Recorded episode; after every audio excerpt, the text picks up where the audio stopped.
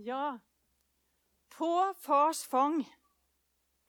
Nær far når livet er vanskelig. Når er livet vanskelig? For meg er det nå. For mange av dere er det også nå. Men det kan òg være ei tid som ligger bak deg, eller foran deg. Jeg hadde tenåringstida mi på det glade 80-tall og tidlig på 90. Og på den tida så poppa det opp med stadig nye menigheter. Og en forkynnelse som gikk langt i å påstå at hvis man bare trodde sterkt nok, så ville livet bli problemfritt. Guds velsignelse den skulle vise seg på alle livets områder. Helse, relasjoner, yrkesliv, økonomi. Og vi hadde pastorer i nabolaget som kjørte rundt i dyre glis. Over tid er det et veldig vanskelig budskap å forkynne. For hva da med den som er sjuk? Hva med den som brått mister noen? Hva med den som plutselig står der uten jobb? Eller som sliter med den psykiske helsa si? Hva med alle oss som tror, og som ikke lykkes på alle livets områder? Heldigvis så finnes det ikke noe godt bibelsk grunnlag for eh, denne problemfrie forkynnelsen. Tvert imot så vil jeg nesten si at uh, når jeg forberedte meg til å tale her i dag, så prøvde jeg å komme på én bibelperson som ikke måtte gjennom noe vanskelig.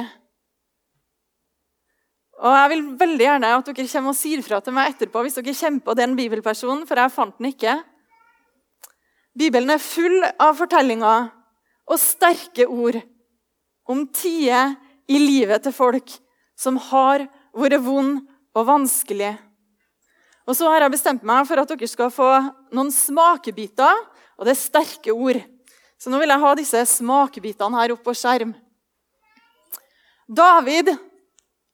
Skylden vokser meg over hodet lik en bør som er altfor tung.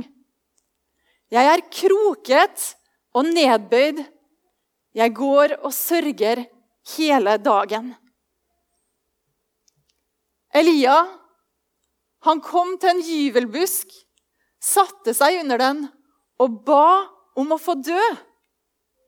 'Nå er det nok, Herre', sa han. 'Ta mitt liv.' Hanna, men medhustruen som var imot henne, terget henne stadig og ville gjøre henne motløs. Slik gikk det år etter år. Da gråt hun og ville ikke spise. Og jobb, jeg avskyr mitt eget liv. Nå gir jeg min klage fritt løp, vil tale med bittert sinn. Og Jakob så flerret Jakob klærne sine, bandt sekkestri om hoftene og sørget over sønnen sin i lange tider. Det er sterke ord. Hittil har jeg henta disse tekstene fra Det gamle testamentet. For det er der vi får de mest detaljerte fortellingene om enkeltpersoner. Men jeg vil ta med noen ord fra Paulus også, jeg vet hva det er å ha det trangt, og hva det er å ha overflod. I alt og i alle ting er jeg innviet.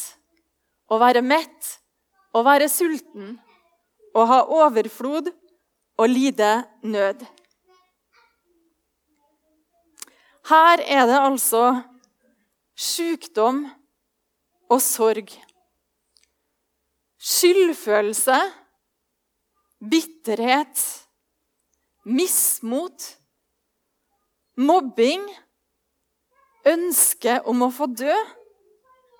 Og jeg peker ikke bare her for at du skal bli nedfor.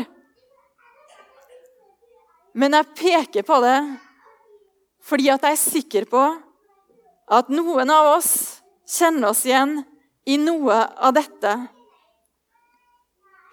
Og dere som kjenner dere igjen i setninga herifra Dere skal vite at dere ikke er alene. Og dere skal vite at det er rom for folk som har opplevd de her tingene. Og rom for folk som har tenkt de her tankene. Det er rom for dem til og med i Bibelen. Og det er rom for å sette ord på følelsene deres i Guds ord. Sorgen og sykdommen og smertene og synda og overgrepene er ikke redigert bort. Heller ikke den såre sannheten. Slik gikk det år etter år. Heller ikke den er redigert bort fra Guds ord. Det vanskelige livet, det var, og det er, og det blir en realitet. Vi lever midt i denne realiteten. Ikke alle alltid, men til enhver tid noen. Til enhver tid noen i vår forsamling. Men så finnes det heldigvis også en annen realitet. Og Den må jeg få her opp på skjermen. Gud er den andre realiteten. Og han sier, 'I det høye og hellige bor jeg', og hos den som er knust og nedbøyd i ånden. Gud er ikke redd for det vanskelige livet. Tvert imot, vi har en Gud som våger å være veldig nær. Han bor hos den som er knust og nedbøyd i ånden. Og tettere på et menneske enn å bo hos det, er det vel vanskelig å komme. Midt i mitt mørke, midt i ditt mørke, i våre vanskelige liv, er Gud. Og Så har jeg også henta fram en setning fra David. Han sier, 'Men mørket er ikke mørkt for deg.' 'Natten er lys som dagen.' 'Mørket er som lyset.' Gud, som flytter inn i mitt mørke, ser ikke bare mørke, men lys. Det som kan virke uhåndterlig for meg, er håndterlig for Gud fordi han kan se klart midt i mørket. Og det er stor, stor forskjell på å leve et vanskelig liv og på å leve et vanskelig liv sammen med Gud. Da jeg forberedte meg til denne talen, fant jeg en liten fortelling i andre kongebok 20. Det er en bortgjemt liten sak som jeg tror må ha gått alle mine søndagsskolelærere hus forbi. For jeg kan ikke huske å ha hørt den noen gang. Det handler om kong Hiskia. På den tiden ble kong Hiskia dødssyk. Da kom profeten Jesaja, sønn av Amos, til ham og sa.: Så sier Herren, få orden på ditt hus, for du skal dø og ikke leve lenger. Da vendte Hiskia ansiktet mot veggen og ba til Herren. Å Herre, sa han, husk at jeg har vandret trofast og helhjertet for ditt ansikt og har gjort det som er godt i dine øyne. Og Hiskia gråt høyt. Jesaja var ennå ikke kommet ut av den midtre borggården før Herrens ord kom til ham igjen. Gå tilbake og si til Iskia, fyrsten over mitt folk, så sier Herren, din stamfar, Davids Gud. Jeg har hørt din bønn og sett tårene dine. Nå gjør jeg deg frisk igjen. Jeg legger enda 15 år til din levedager. Og så sa Jesaja, hent en fikenkake. De gjorde det, og da de la fikenkaken på såret, frisknet kongen til. Tenk det. Her ligger altså Hiskia dødssyk. Men så har han og jeg og du en Gud som ser tårene hans og hører bønnene hans. Og Jeg kunne ha lagt til utrolig mange eksempel på akkurat dette. For det går igjen om igjen og om igjen i Bibelen at Gud både hører og ser.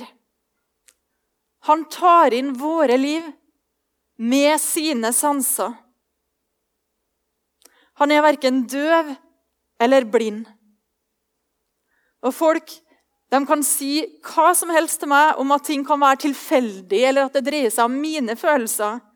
Men jeg, jeg vil stå her og si med stor frimodighet at jeg vet at sånn er det i mitt liv også. At Gud har hørt meg, at Gud har sett meg. Og jeg er en griner. Mange av dere har sikkert sett det her i Salem. Det koster litt å stå her og gråte. Og jeg har gjort det ufattelig mange ganger.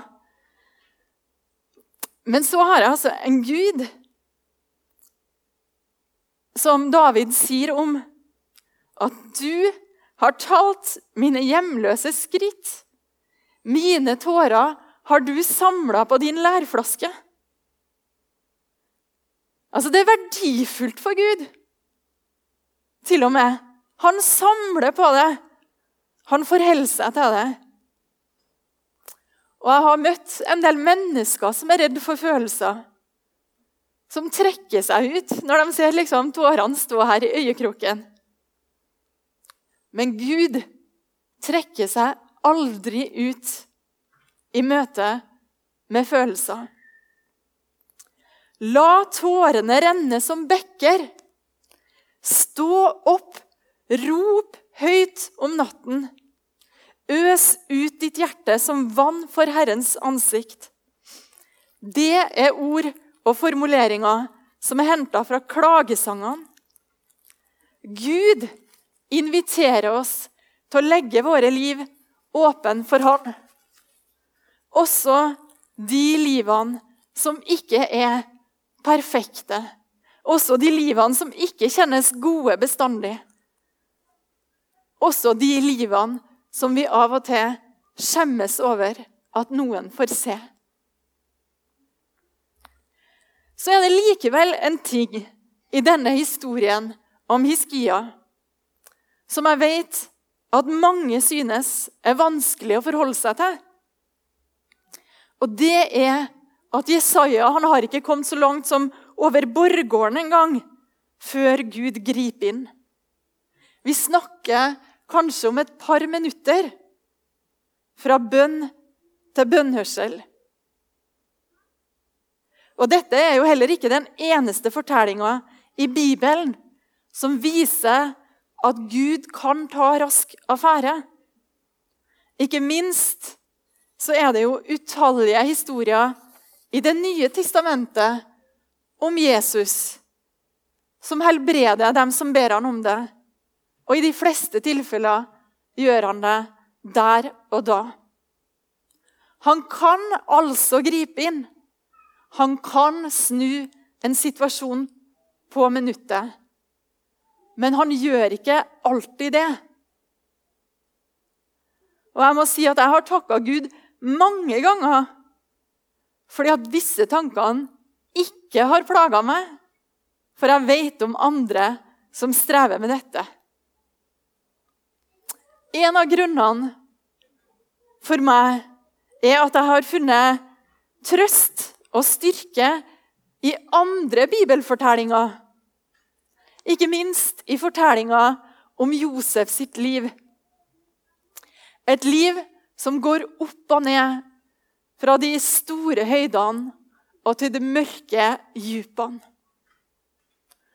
Og jeg har tenkt på hvor djupt fortvila må ikke Josef ha vært der i brønnen? Og så ropte han sikkert til dem som var regna for å være hans nærmeste blant mennesker.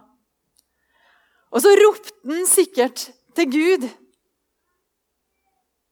Ropt om å få komme opp, få komme ut, få komme hjem. Men så når han blir dratt opp av brønnen, så er det bare et skritt i en annen retning, ut i større fortvilelse. Og ingen skal komme til meg og fortelle at Josef i denne situasjonen løfta blikket sitt og så på framtida si som et eventyr. Dette skal bli spennende.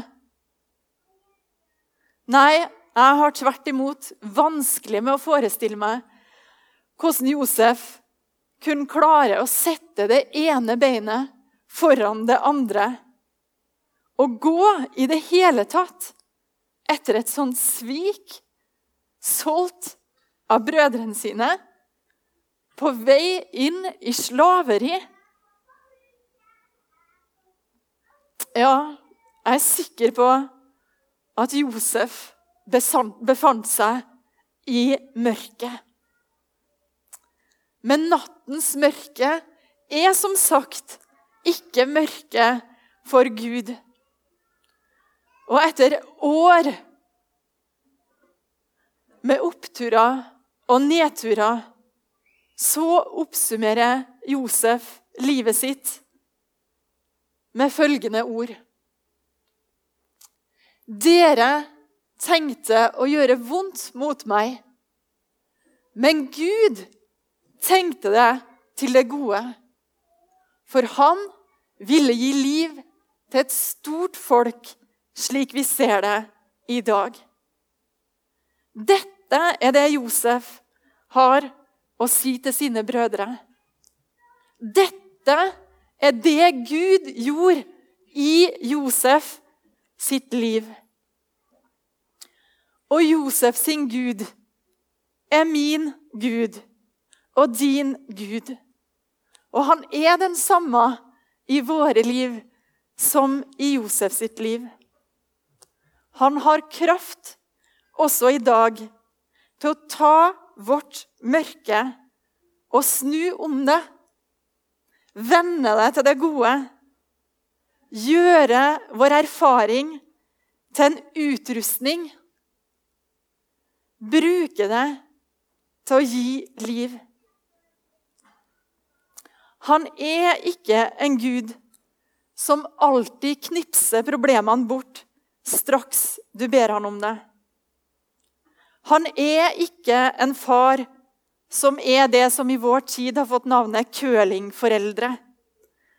Som gjør alt glatt foran oss. Sånn at vi bare kan skli ubekymra videre i livet. Og det er sant, og det er bra at han ikke har valgt å være far på den måten. For det heter seg ifølge forskninga at sånne curlingforeldre hemmer sine barns utvikling. Og hva hadde vi, vår menighet, hva hadde vi som Kristi kropp å stille opp med i møte med andre mennesker i nød og sorg og smerte hvis ikke vi hadde kjent på noe av det her på vår egen kropp. Og det er vi jo heller ikke alene om. Vi skal se et bibelvers her. Jesus, det står om han. For vi har ikke en øverste prest som ikke kan lide med oss i vår svakhet, men én som er prøvet i alt, på samme måte som vi, men uten synd. La oss derfor frimodig tre fram for nådens trone, så vi kan finne barmhjertighet og finne nåde som gir hjelp i rette tid. Vi er invitert inn for nådens trone, opp på Guds fang. Og han sier ikke 'kom når du har fått alt på stell'. Nei, han sier, 'Kom til meg, alle dere som strever og bærer tunge byrder.' Så vil jeg gi deg hvile. Jesus, som er den som viser oss hvem Gud er, leita opp dem som ikke var vellykka og rik. Han leita opp dem som var forakta, sett ned på, dem som var sjuke og svake, dem som var regna for ingenting, dem som sto lavt på rangstigen den som hadde levd et syndefullt liv.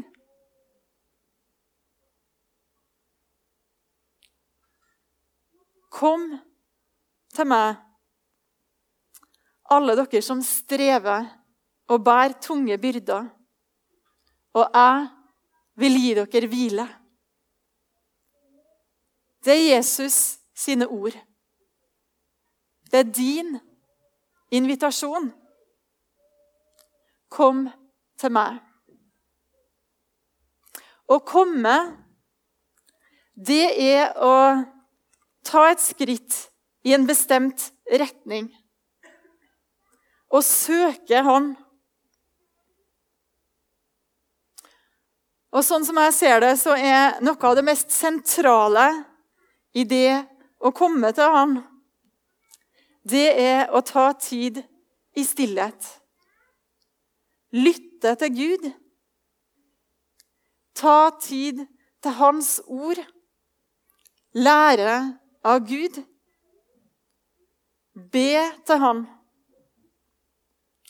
Å komme er å oppsøke fellesskapet med Han.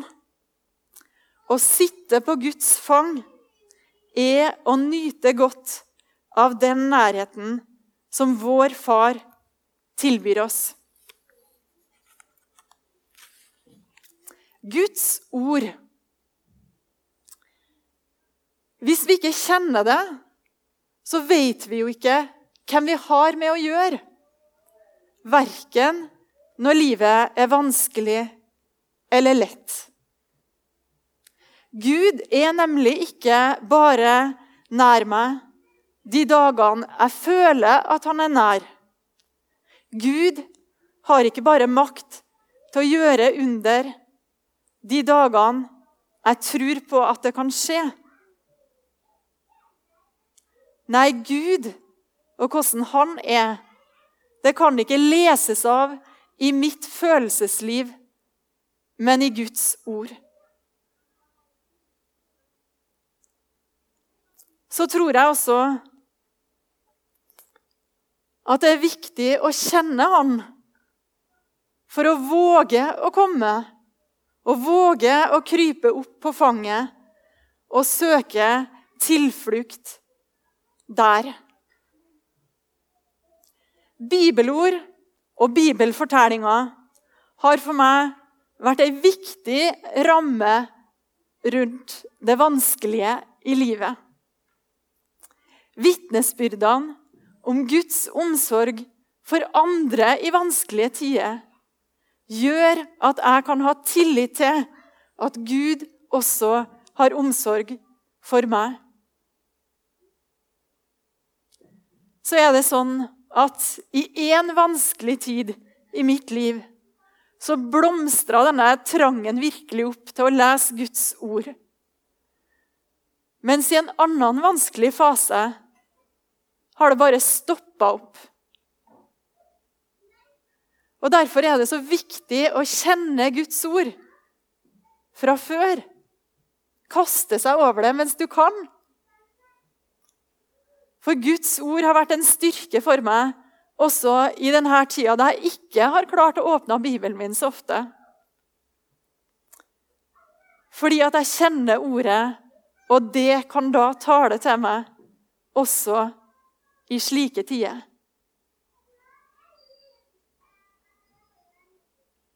Å være nær Gud i bønn, det behøver ikke å være velformulerte ord, klare ønsker eller lange taler.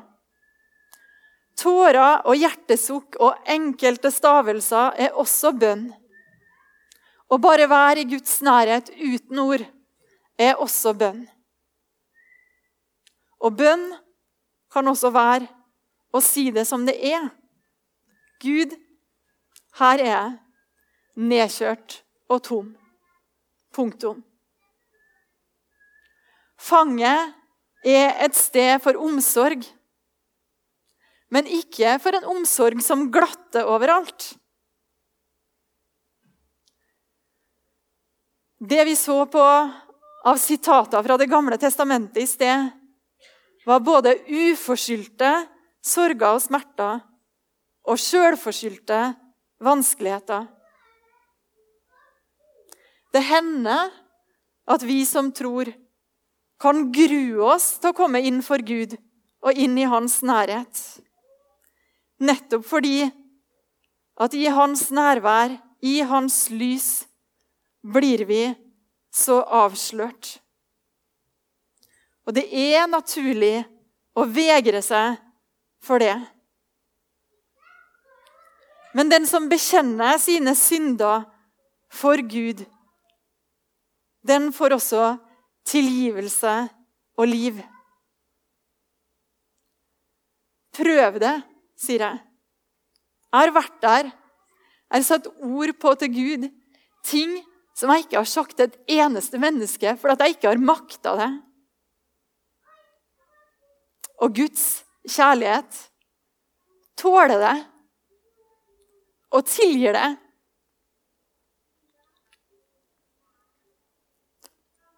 Og når man har gjort det, så blir gjerne det vonde og vanskelige kanskje litt mer ufarlig. Fordi at Gud elsker deg likevel.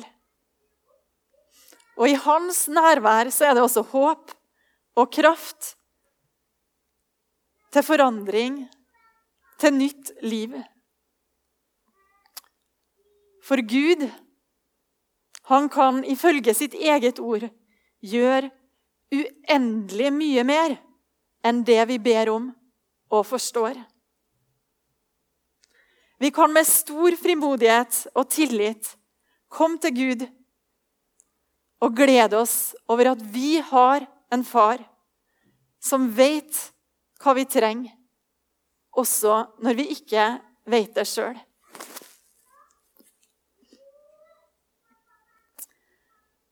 Jeg har altså i ei vanskelig tid fått erfare Guds nærhet gjennom stillhet, ordet, bønner. Men Guds omsorg for meg har ikke stoppa der, altså. Gud har sørga for meg også i små og store praktiske ting. Sendt mennesker i min vei for å hjelpe meg med stort og smått. For å se, for å lytte, for å dele. Og sjøl om mye av det virkelig har kjentes ut som mirakel, for meg i hvert fall, så dreier det seg likevel i all enkelhet om folk som tar på alvor det å være Kristi kropp. Vi har et kall til å ha omsorg for hverandre. Til å bære hverandres byrder og til å ta oss av det lemmet på kroppen som lir. Og Den tjenesten den er vi kalt til å stå i både når livet kjennes lett og greit, men også når livet er vanskelig. Hun, eh, Mari Tingbø, som var her forrige søndag, hun snakka om han som var blitt sjuk og omtalte seg sjøl som omplassert i tjenesten. Sånn kjennes det litt for meg òg. De praktiske rammene rundt tjenesten har forandra seg. Jeg har blitt en husbundet alenemor. Men med kall til å tjene. Og det kallet og den bevisstheten på tjenesten har ikke blitt mindre, men større.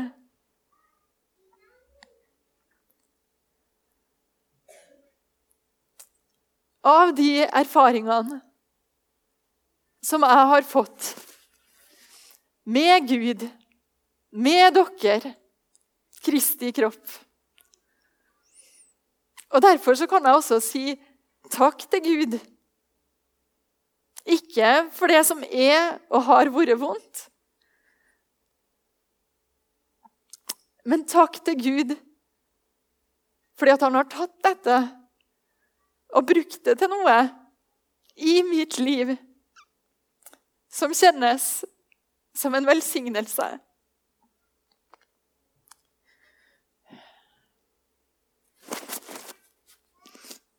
Og dette er det jeg har lyst til å si. Dette er mitt vitnesbyrd til deg som også har det vanskelig. Kanskje med andre ting. Kanskje i en annen skala. Kanskje før. Kanskje senere i livet. Vi har en far som vet hva vi trenger. Og han inviterer oss opp på sitt fang. Ikke bare for å dulle med oss, men for å velsigne oss på mange vis. Vi skal be. Herre, jeg takker deg fordi at du er en Gud som eh, har steget ned i våre liv.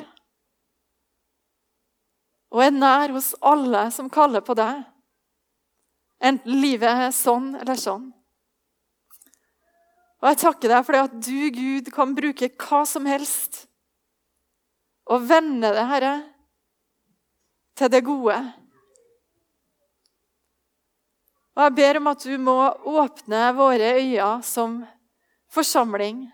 At vi kan være med og se hverandre og løfte og bære hverandre, Herre, fordi vi er dine hender og føtter her. Herre, jeg priser deg for at du er høy og hellig. Men også for at du er steget ned til støvet og bosatt deg der. Amen.